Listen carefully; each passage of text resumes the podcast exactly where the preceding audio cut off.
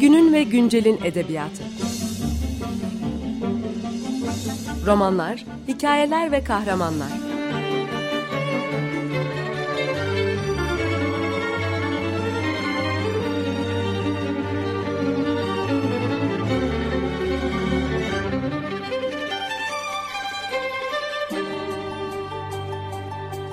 Hazırlayan ve sunan Seval Şahin.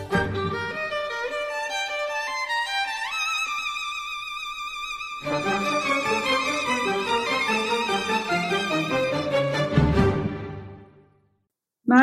95.0 Açık Radyo'dasınız. Günün ve Güncel'in edebiyatında ben Seval Şahin. E, Açık Radyo'nun destek haftasındayız e, bu hafta. E, ve e, tüm dinleyicilerimizi e, radyomuzu yaşatmak ve birlikte olmak için dayanışmaya, radyomuzu desteklemeye davet ediyoruz.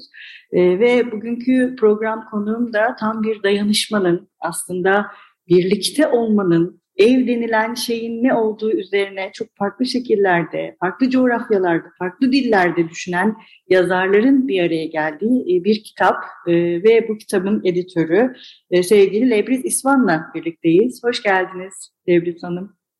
Merhaba, hoş buldum. Çok teşekkür ederim. Bu kitap Ev ve adı ve Kıraathane Kitaplar tarafından Şubat ayında yayınlandı. Kitapta 8 yazar var. Kürtçe, Norveççe, Almanca ve Türkçe yazılar. Yani Türk yazar, Türkçe yazan yazarların eserlerinden oluşmuş bir derleme bu. Ben kitabı çok etkileyici buldum. Ellerinize sağlık. Çok büyük bir e, keyifle e, okudum ve e, bana da çok iyi geldi. E, ve e, ev üzerine ve evin ne olmadığı üzerine düşünmek için de e, çok başka e, yazarları e, bir araya ve başka dillerdeki yazarları bir araya getirmek de çok e, güzel bir fikir olmuş böyle bir e, dönemde. E, nasıl doğdu bu kitap Debris Hanım? Çok çok teşekkürler öncelikle. Hoşunuza gitmenize çok sevindim.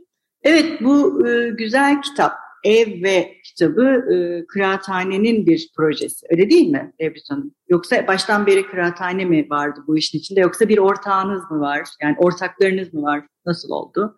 Evet, e, dört ortaklı bir proje. Diyarbakır Edebiyat Evi, e, Oslo Edebiyat Evi ve Berlin Edebiyat Kolyokumu ile birlikte yürüttüğümüz sınırları aşan edebiyat projemizin bir parçası olarak bu kitap ortaya çıktı pandemi döneminde bu dört edebiyat evi olarak, yani Avrupa'daki edebiyat evleri olarak nasıl birbirimize dayanışabiliriz, böyle bir ağ kurabiliriz ve bu böyle bir edebiyat evleri arasındaki bir ağ güçlendirebiliriz diye fikriyle ortaya çıktığı bir projeydi.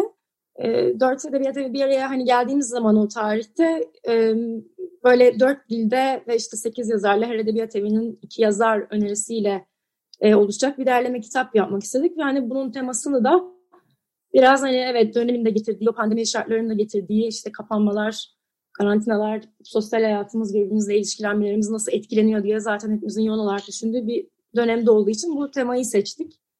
Hani biraz klişe de olabilir diye de aslında düşündük. Hani bu şeyin ama e, farklı yani dört dilde ve çok yani o yüzden çok şeylerini sınırsız bırakmak istedik. Bütün evin bütün çağrışımlarını içerebilecek yani işte yani ev, evsizlik, e, sürgünde olmak, ne bileyim işte yuva, yeryüzü, oda falan hani ev deyince aklınıza gelebilecek her türlü şeyi kapsayabilecek ve form olarak da her türlü yani işte e, hikaye, deneme, şiir olabilir. Yani aslında biraz risk alarak da yaptığımız bir şeydi. Bu kadar farklı türlerdeki bir kitabı birleştirmek, bir araya getirmek, bir ortak bir şey bulmak ama bence üzerine düşünmek bu kadar çoğunluğu da yansıtabilecek bir şey olmasını düşünerek bu temayı seçtik bu dört edebiyat evi arasında.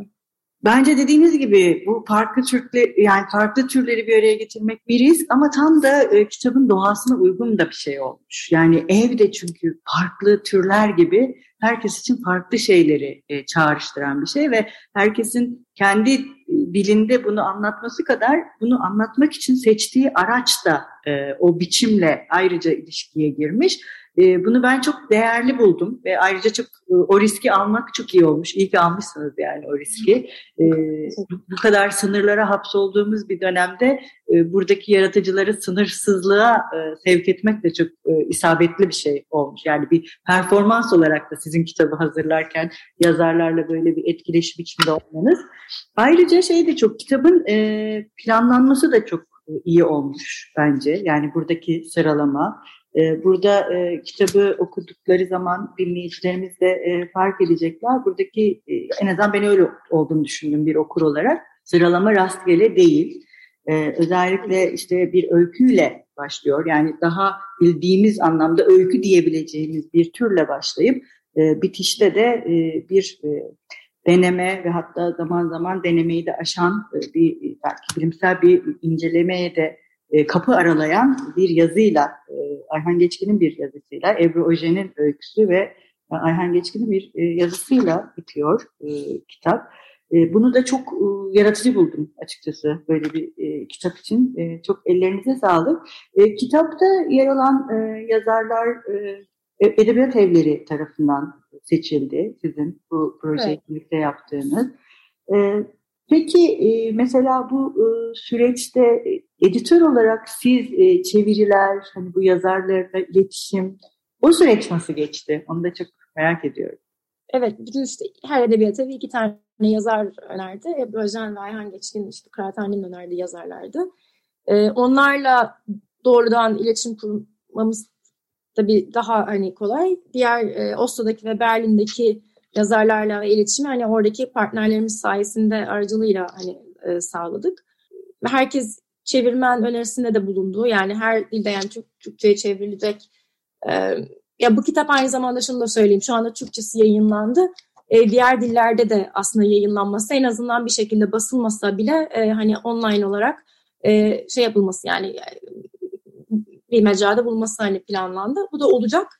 Diğer dillerde de bir şekilde ya basılacak ya bir yayınlarından çıkacak ya da online olarak bulunacak. Bu Türkçe kitabın yani bu kitabın şu anda Evde adıyla aslında Türkçe kitabın e, çevirisi e, ne e, yani işte Türkçe yazılmış metinlerde Diyarbakır Edebiyat Evi yardımcı oldu. Onların önerdiği çevirmenlerle çalıştık. E, şeyde e, diğer yani diğerlerini evet kendi hani tan tanıdığımız işte çevirmenler yardım isteyerek yaptık. Ama mesela işte bazı zor bir bölüm de vardı. Özellikle çeviri için gibi sorduğunuz için aklıma o geliyor. Dagmar Kraus'un metni bir kapı zili yani o Strasbourg'daki bir sokaktaki Oslo sokağındaki e, kapı zilleri üzerindeki isimler ve işte çok kültürlü çok farklı kültürlerden gelen insanların yaşadığı ve isimlerinde bunu yansıttığı hani kapı zilleri üzerinde belli olan kapı zilleri üzerinden bir böyle deneysel şiir gibi bir bölüm ve bunun çevirisi oldukça hani enteresan ve şey oldu yani e, onu Tevfik Turan çevirdi ve tabii tam bir çeviri birebir bir çeviri yapılabilecek bir şey olmadığı için mesela kendisi de yazarla iletişime geçti. Çünkü o hem Almanca hem Lehçe yazılmış üstelik. Bunu ben de başında bilmiyordum. Hani ben Almanca olduğunu düşünüyordum. Almanca bilmeyen ve tabii Lehçe de bilmeyen biri olarak. Hani evet şeylerde yani bu böyle değişik bir deneyim oldu yani aslında. Evet tahmin ederim. Peki e, yazarlar yani mesela siz e, Kıraathane İstanbul Edebiyat Evi olarak e, Türkiye'deki yazarlara bu projeyi götürdüğünüzde onların yaklaşımı nasıl oldu? E, onlar buna nasıl baktılar? Ve diğer edebiyat evlerinin yazarlarla iletişimi nasıldı? Buna dair de bilgileriniz var mı? E, hepimiz yani ilk önce bir tema belirleyip bunu böyle bir paragraf halinde yazdık. Yani herkes onu işte İngilizce olarak e, ulaşacağı insanlara o o girişle yani ortak bir, bir paragraf bir yapacağımız amacımızı istediğimiz yani nasıl ne tarzda yazar beklediğimiz belli eden bir şey vardı ortak olarak ama herkesin tabii kendi iletişime, kendi şey yani o kadar farklı e, şeyler geldi yani metinler geldi ki o kısmına yani hani oradaki işte Florian nasıl oradaki Alman yazarların katkısını alırken onların arasındaki geçen konuşmalar aslında şey yani bu kitap biraz çevrildikten sonra ki halinin editörlüğünü yapmış oluyorum. Yani hani Mesela ilk geldiği zaman Dagmar Kraus'un metninin öyle olduğunu ben o kadar iyi bilmiyordum. Yani tam olarak çevirmene gittiği zaman nasıl bir şey çevireceğini ben de çevrildikten sonra öğrenmiş oldum diyebilirim ama herkes çok, çok başka yerden bakmış. Çok farklı ev ve e, dair hani geniş bir perspektif sunacak bir şey ortaya çıktığında hani çevrildikten sonra sevinerek karşıladım. Evet, siz de kendi e, sunuş yazınızda ev bir hikayedir netice nihayetinde diyorsunuz ve yani gerçekten evler bizim e, aynı zamanda kendi izlerimizi, hayatımıza dair izleri ve bizden önce burada yaşayanların da izlerini barındırıyorlar bir şekilde. Tamamen boş değiller. Yani bir başka bir bellek ve hafıza üretiyorlar e, yaşadık yani o mekanda.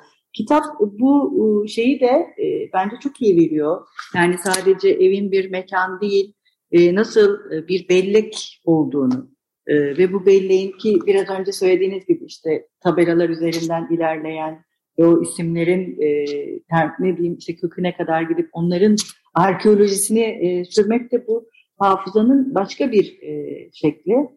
Ve şeye çok e, ama ortak bir şey var. E, bütün kitapta onu düşündüm. E, yani farklı coğrafya, farklı diller hepsi bir araya geldiğinde ev böyle hüzünlü bir şey gibi geldi bana. Öyle bu e, yazarlar için bir hüzün yani öyle ya da böyle bir şekilde bir hüznü barındırıyorlar e, diye düşündüm. Bu da yaşadığımız e, dünyaya dair bir şey mi söylüyor acaba bize? Pandemiden henüz çıkmış ya daha doğrusu hala çıkamadık aslında.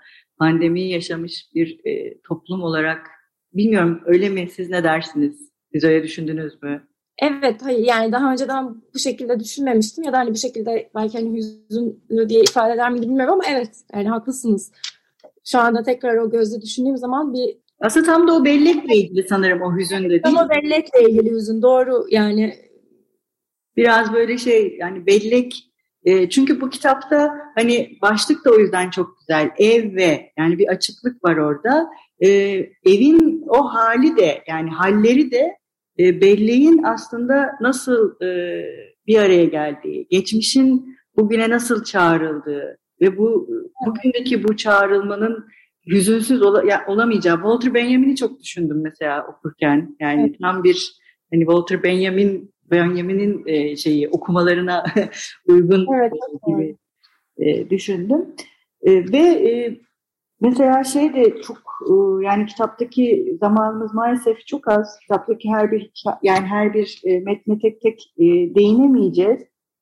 Ama madem biz Türkiye ayağını konuşuyoruz, biraz e, Türkiye'den e, başlangıç ve sondan e, bahsedelim. Yani Ebru Ojen'in öyküsü aslında alışılmadık bir ev ve evden uzaklaşma öyküsü. O yüzden şaşırtıcı bir öyküyle başlıyor. Yani öyküyü okurken biz böyle sonlanacağını düşünmüyoruz mesela. E, o e, çok ilgi çekici ve beni kimse durduramaz. Yani bu güzel bir başlangıç. Yani öykünün sonunu beni evet. durduramaz diye bitmesi ve sonrasında e, Ayhan Geçkin'in yazısı şahane bir yazı. Yani gerçekten kitabı e, kapatırken böyle e, yeryüzünün dünya yani dünya olması, farklı dünyalar, neyin yeryüzünün nasıl bir dünya haline e, geldiği e, hem çok şiirsel hem de üzerine çok e, düşünülen bir şey olmuş. Bu baş ve son acaba nasıl ortaya çıktı? Ben size Türkiye ayağı olarak onu sorayım. Özellikle mi baş ve son bunlar? Kişisel herhalde birazcık işte içeriğiyle dışarının yansıması ve birbiriyle ilişkisi üzerine hani kurgulanmış bir kitap olduğu için hani Ebru'nun bunu kendi katıldığı Berlin'de de bu kitapla ilgili bir toplantı yapıldı. Orada da kendi söylediği için hani söylüyorum. Kişisel bir hikaye yazdığını söyledi. Otobiyografik bir hikaye. Sanırım yani hani oradan başlamak doğru geldi. Daha sonra biraz böyle dolanarak hani e, biraz inişli çıkışlı bir ritim olsun kitabın diye e, istedik ve sonunda e, yani sonunda da daha deneme felsefi, yani felsefi bir yazı e, daha geniş düşünmek yani biraz içeriden dışarıya giden bir yol gibi oldu ve aralardan geçişler oldu yani düz bir şeyi takip lineer bir şeyi takip ederek gitmiyor ama o hüzünlü dediğinizde sanırım onu düşünmenin kendisinde bir hüzün var. Yani gerçekten öyle bir hüzün var. Hani bir şey ve bunu hani karamsar değil işte şey değil. Ama e, evet, o yüzden hüzün yani. kendimiz, hüzün çok doğru bir kelime oldu. Yani bu kendimizi ve her şeyi düşünebileceğimiz ve bir arada düşünebileceğimiz bir şey yarattı belki de yani metinler ve onun bunu düşünüyor olmanın bir hüznü var sanırım. Yani bu, bu sıralamayı evet yani yaparken de daha kişiselden şeyden başlayıp içeriden başlayıp ve böyle kısa ve güçlü ve hani duygusal bir hani öyküyle hikayeyle başlayıp bunu daha yani iyice açıp daha felsefi bir bir düşünme şeyiyle bitirebileceğimiz bir metinle bitirmek istedik diyebilirim. Evet, e, bu söylediğiniz şey çok önemli bir şey. Düşüncenin ritmi, yani belirli lineer bir şekilde ilerlememesi e, ve e, hem e, ev üzerine düşüncenin ritminin e, kitaba yayılması ve bunun bu şekilde başlayıp sonlanması, e, şimdi siz söyleyince düşünüyorum kitabın bir ritmi de var e, sahiden ve e, bir taraftan e, işte biraz önce söylediğimiz sanki bu Ayhan Geçkel'in yazısında yeryüzünün dünya haline gelmesi, Galiba kitap da böyle bir ritimle açılıp yeryüzü nasıl dünya haline geliyor bu şekilde kapanıyor. Evet. Ve bunu hani bir okur olarak kendi içimize, zihnimize ve kendi düşüncemize, kendi düşüncemizin e, ne bileyim zih, beynimizin e, içine, zihnimizin e, ritmine alarak e, aslında bir nevi bir evle, e, bir okumayla elde edilen bir evle o düşüncenin ritmine ortak oluyoruz. Evet, biraz kendi içimize nasıl yerleşiyoruz? Hani o Hı-hı. yazıda sanırım onu Evet, yani yerleşmek ne demek ve dediğiniz gibi evet. içeriden dışarıya nasıl çıkarıyor, çıkıyoruz, dışarısı içeriği e, nasıl etkiliyor, e, o ritmik de bir e, şekilde gerçekten kitaba yerleştirilmiş. E, Lebris Hanım çok teşekkür ederiz e, konuğumuz olduğunuz için. E, ben çok teşekkür ederim. Bu e, güzel kitap için. E, ve bitirirken yeniden sizleri radyomuza destek olmaya ve e, yeryüzündeki yerleşmelerin ve dünyaların e, bir temsili olan bence ve kendisini kainata açık radyo olarak e, duyuran radyomuza e, destek olmaya çağırıyoruz. Hoşçakalın, görüşmek üzere.